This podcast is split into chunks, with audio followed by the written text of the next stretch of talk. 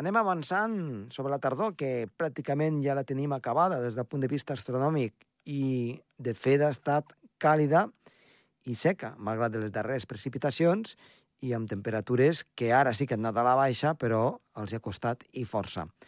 Veurem quina situació ens espera aquesta resta del mes de desembre, però de moment sembla que l'anticicló tornarà a fer de les seves. Comença el torb.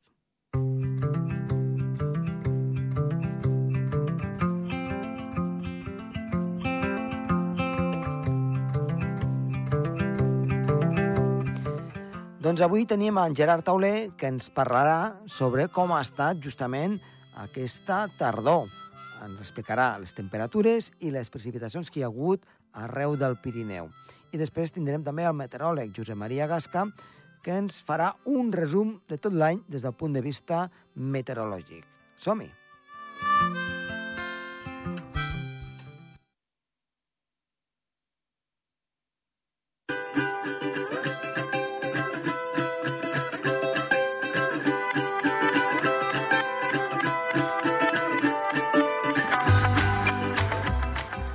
Programa i parlem amb Gerard Tauler. Gerard, molt bona tarda.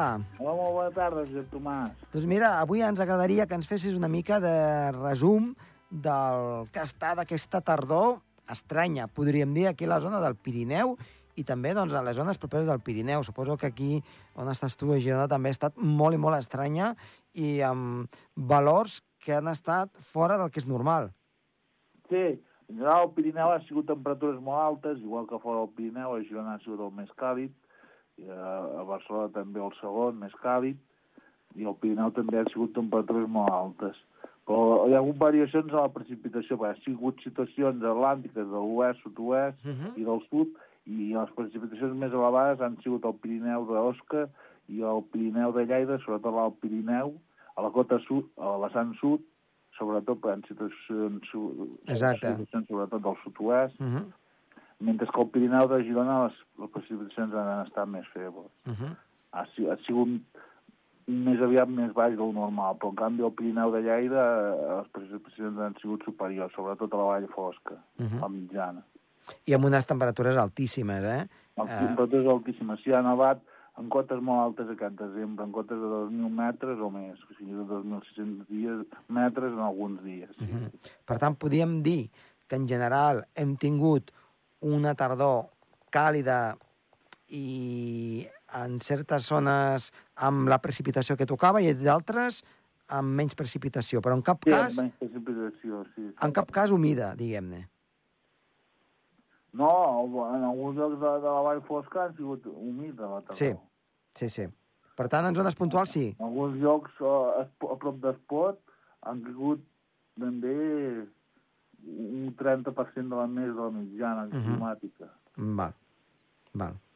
Um, en definitiva, doncs, que podem afirmar una mica el que van dient els models a llarg termini, de que uh, continuem amb temperatures més altes dels normals i amb menys precipitació, excepte puntualment uh, Sí. en, en algunes zones, no?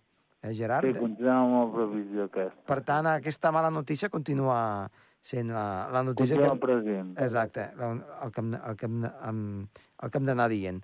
Doncs, uh, Gerard, moltíssimes gràcies, t'esperem una propera vegada. Vinga, fins aviat. Bo- I bon Nadal, si no ens veiem. Igualment, una abraçada. Una abraçada. Adéu. Adéu.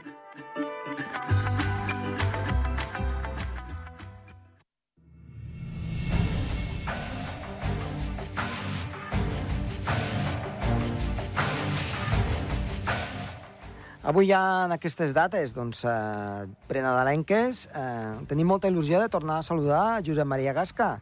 Josep Maria, hola, bona tarda.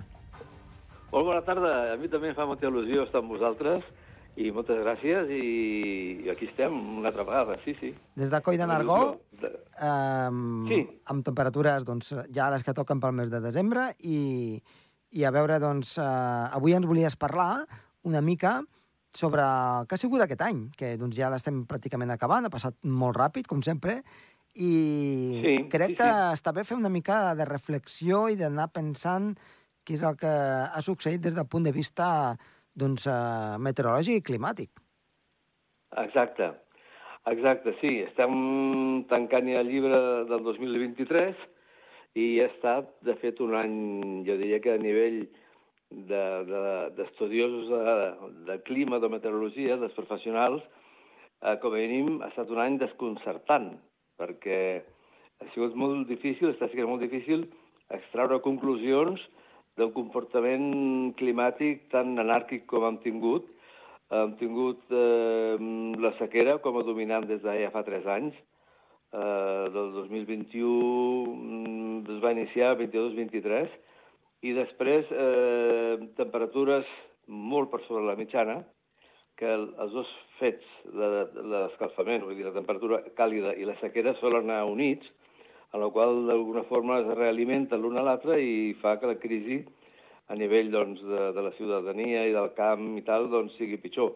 Uh -huh. Ha sigut un any de desconcert, de, de llargues calors, de llargues sequeres i de sobte, eh, com que si diguéssim ara es normalitza, vull dir, a, a finals de novembre, a principis de desembre, es porten unes nevades que hi ha anys que no ha portat i que fins i tot a escala europea doncs tenim eh, el 60% del continent, mm, Europa i Euroàsia, uh -huh. que faríem Sibèria, i pràcticament aniríem fins a Alaska, eh, tot cobert de neu. Això també és una singularitat que fa molts anys que no es dona.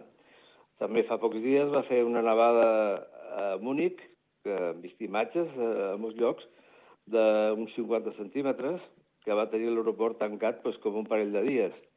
I diguem, considerem que és un país que estan preparats per les nevades i que tenen medis de treball eh, molt, molt eh, eficients, que s'han vist en gravacions, un gran desplegament de camions i de màquines de llevaneus, però que hi ha tanta de neu que, que no donaven a l'abast i va ser, eh, va ser realment espectacular. Eh? Inclús algun avió que s'ha vist eh, caigut al darrere amb el morro aixecat pel pes de la neu a les ales, als plans i a la cua i tal, no?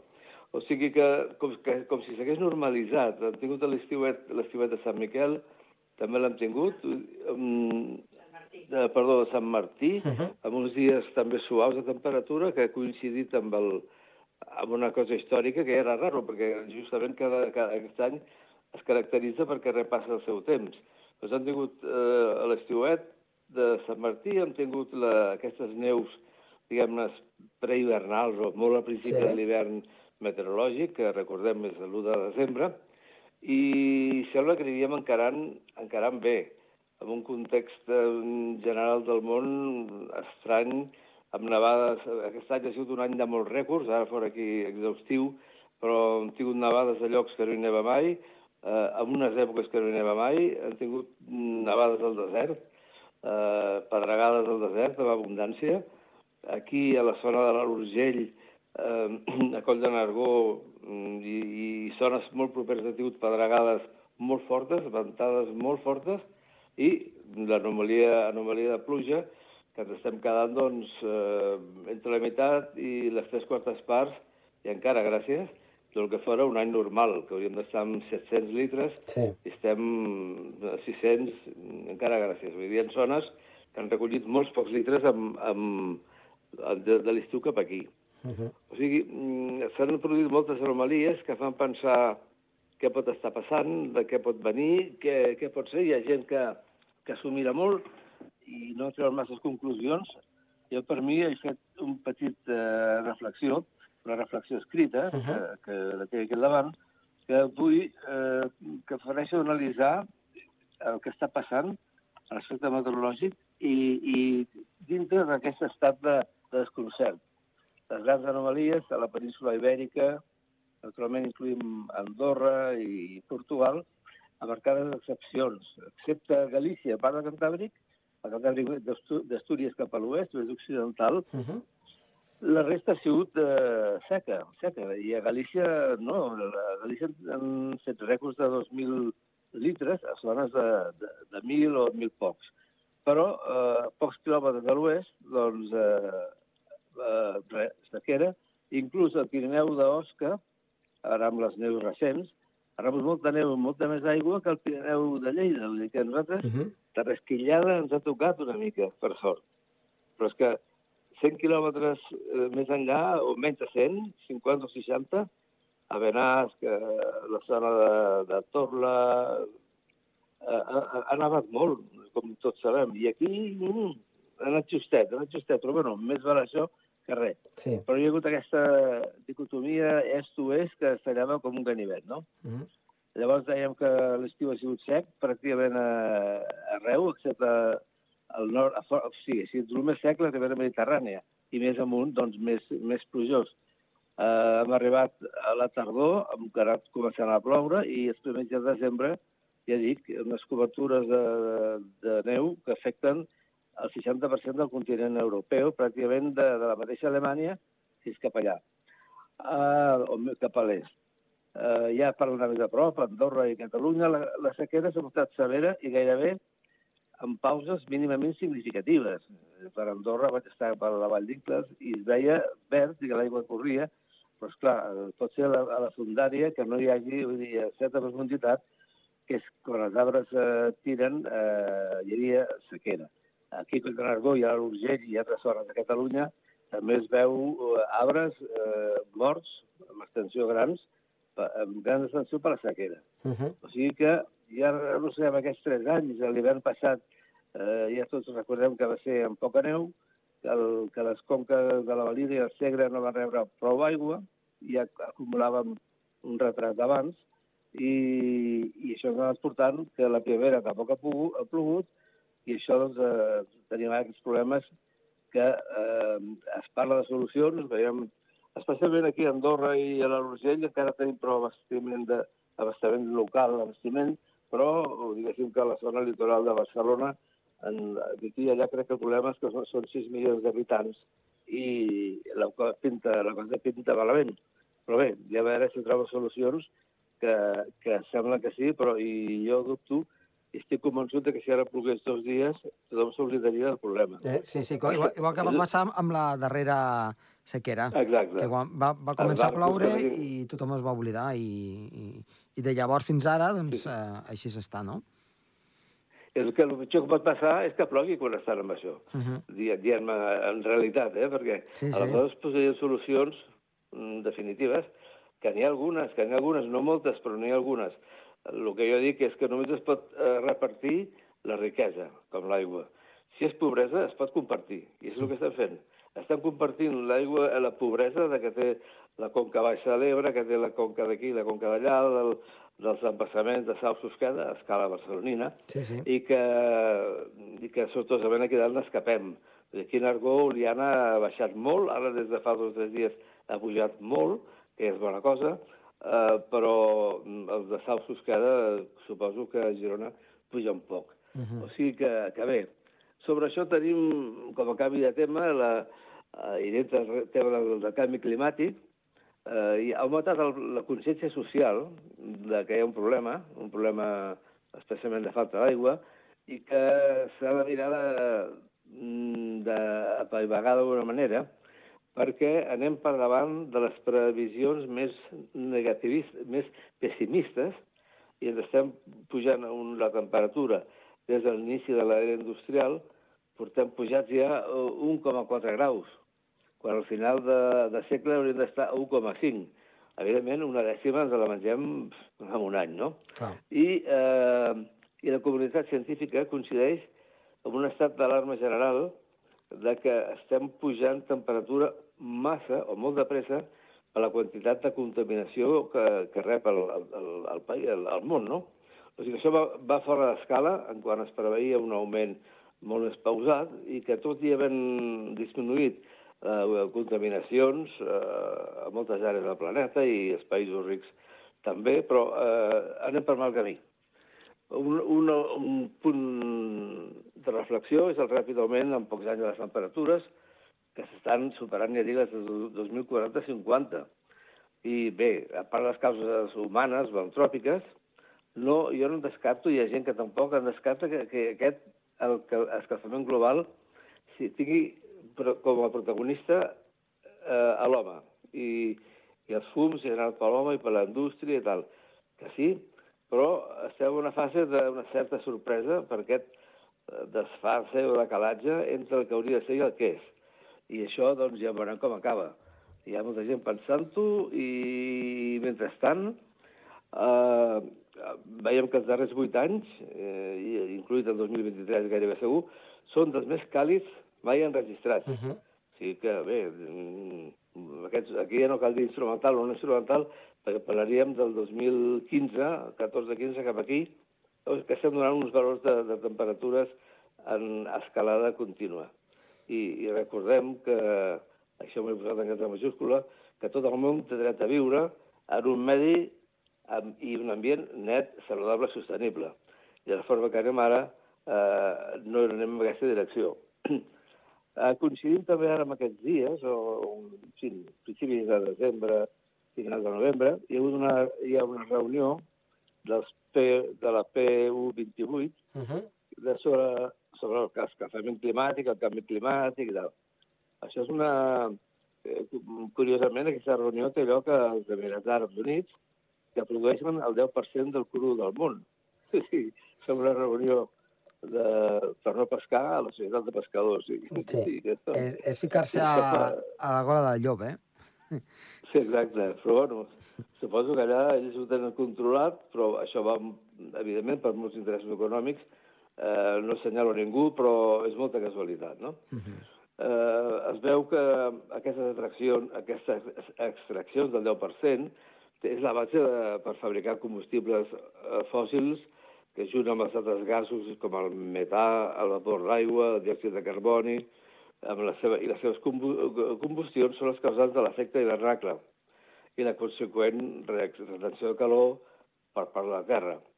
Dins de la valoració d'elements que es podem, que poden escalfar el planeta, eh, de la forma de, detectable visible, també figurarien, que avui a mi m'interessa això bastant, les erupcions volcàniques, inclús les submarines. No oblidem que més del 60% de la superfície del globus està cobert per aigua, aigua atlàntica, i, òbviament, una erupció com la del Hunga Tonga, uh -huh. que té un nom simpàtic, d'Oceania, que és pràcticament un lloc que has de buscar el mapa, i, bueno, si vires d'Austràlia, et queda a la dreta d'Austràlia, eh? Vull dir que és... és Mig de l'aigua, eh? Molt remot. Sí, sí. Eh? Ha aigua. I, òbviament, eh, va fer una explosió brutal que el, el so va donar dues voltes a la Terra, o sigui que es va captar dues vegades el so del, del, de la superfície, i, i va ser mm, no la més forta, però la més forta dels últims eh, com 40 anys. Va enviar una columna d'aigua mm, equivalent a 58.000 piscines olímpiques a l'estratosfera. Si va agafar aigua fins a 150 metres de fundària, amb un raig mm, o un diàmetre bastant gran, i la va eh, ejectar o projectar eh, eh, entre 15 i 150 quilòmetres i després d'aquesta aigua una part va caure a plom i una part es va repetir més. Però hi ha una bona quantitat d'aquesta aigua de mar llançada a l'atmosfera encara que fa temps, fa un any i alguna cosa, aviat farà dos, però que està allà i que encara ningú s'explica ni pot anticipar-se de quina reacció pot tenir això a l'atmosfera o amb l'efecte hivernacle. Han tingut altres, altres erupcions, com es el nom del Pinatubo, uh -huh. recent, del 91, però aquesta és quatre vegades superior a la del Pinatubo. El Tambora també va fer una explosió que es va sentir d'unes distàncies brutals, i va haver-hi, això va ser el 1816, i també va haver-hi el Krakatoa, també conegut pels que mireu una mica de meteo, el 1833.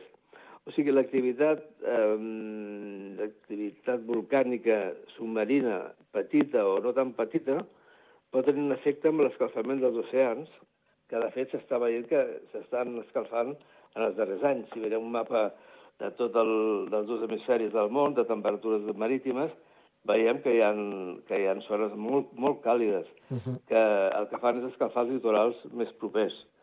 I això també podria ser un element. Després també tenim el diming solar o pèrdua de brillantor del Sol, que també periòdicament es presenta. Tenim els cicles de Maunder, que també hem de mirar si coincideix una cosa amb l'altra, amb l'altra, amb l'altra, i al final tens motius per pensar en un canvi. Però el que hauríem de, hauríem de trobar, especialment hauríem de trobar els científics, eh, què passa, a es deu i quins motius hi ha, o si hi ha una part que encara és incògnita i encara hem d'estudiar. Jo vaig estar aquest eh, cap de setmana passat a Barcelona, a la Camp, que va fer una jornada i una part es va dedicar una tarda a, a les sequeres i als canvis climàtics. I bé, es va explicar a nivell molt científic, perquè eren doctors que ho explicaven, eh, molt nivell, a vegades molt específic, per, era per gent de doctors en físiques, però venien a dir que hi havia parts que no s'entenien, que no, no lligaven, les coses no lligaven, no lligaven, i van dir al final, no serà que ens estem perdent alguna cosa? Ens estem perdent quelcom que passa uh -huh. i que no ho estem yeah. valorant, o que no sabem, ni sabem què passa, no? I això va ser una, un interrogant interessant que van presentar dos ponents que va quedar com obert com motiu de reflexió. Vull dir, sabem molt, sabem molt, però el que sabem en resum que això va més ràpid del que ens pensàvem i que els elements que estem fent d'embrutar de, l'atmosfera eh, no corresponen amb, amb la pujada de temperatura. No hauria de pujar tant. Per tant, I un, un, una mica, eh, per, perquè la gent ho entengui, s'escalfa el planeta doncs, per motius, evidentment, antròpics, per tant, per, per la combustió dels, dels, eh, doncs de, dels combustibles fòssils i per la nostra Correcte. contaminació, però després s'ha vist darrerament que hi ha un factor que està fent que s'escalfi molt més ràpid i que no sabem sí. d'on ve. Exacte. No? Un o diversos factors. O diversos factors. Apuntaves Exacte, al, al volcà, apuntaves al volcà, amb tot el vapor d'aigua sí. a l'estratosfera, a, la brillantor de, mm -hmm. del sol, però també del sol. potser altres coses que no, no, no s'acaben de saber, no? Que no, que no sabem. Uh -huh. Que no sabem. L'augment de població, evidentment, de 1.500 milions a 8.000 milions de personetes a la Terra també té una afectació Clar. amb el tema de la temperatura.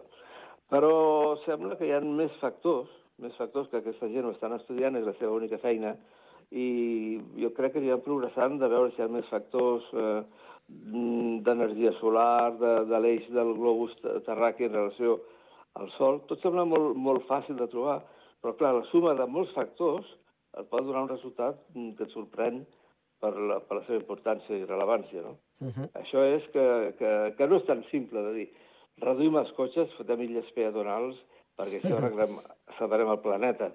Això està molt bé que ho fem, però realment és un malalt que té una malaltia greu que amb aspirines potser no l'arreglarem, no el curarem. Eh? Uh -huh. Hem d'investigar més, a veure, Clar. de fer més pronòstics i, i, i veure per on tira més la cosa. Eh? Clar, per tant, aquesta reducció al simplisme, no?, de que, de que, sí. de que fan els polítics, ho hem de dir així, reducció al exacte, simplisme de, de plantem més boscos, embrutem menys, eh, agafem la bicicleta en lloc del cotxe. Està bé, però això no és l'únic. Sí.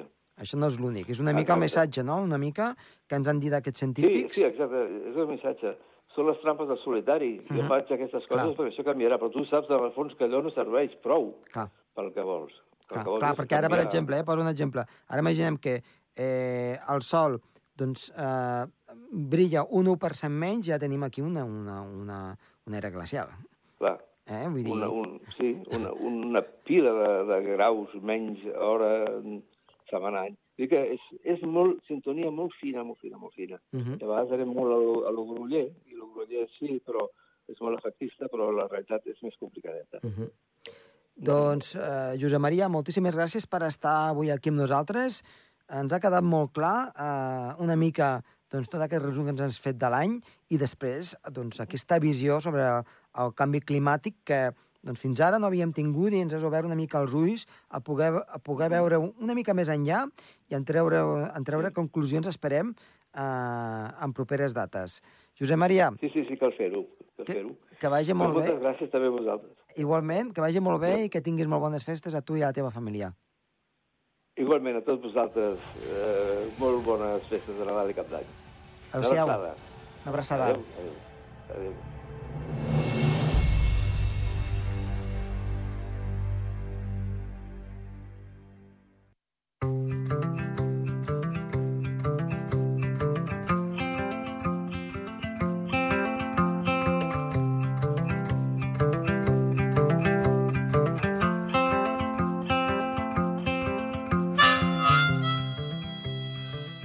Aquí el programa d'avui. Esperem que els hi hagi agradat estar de les vies de so, Ricard Porcuna, i qui els ha parlat amb molt de gust, Josep Tomàs Bosch. Adéu-siau. Adéu-siau.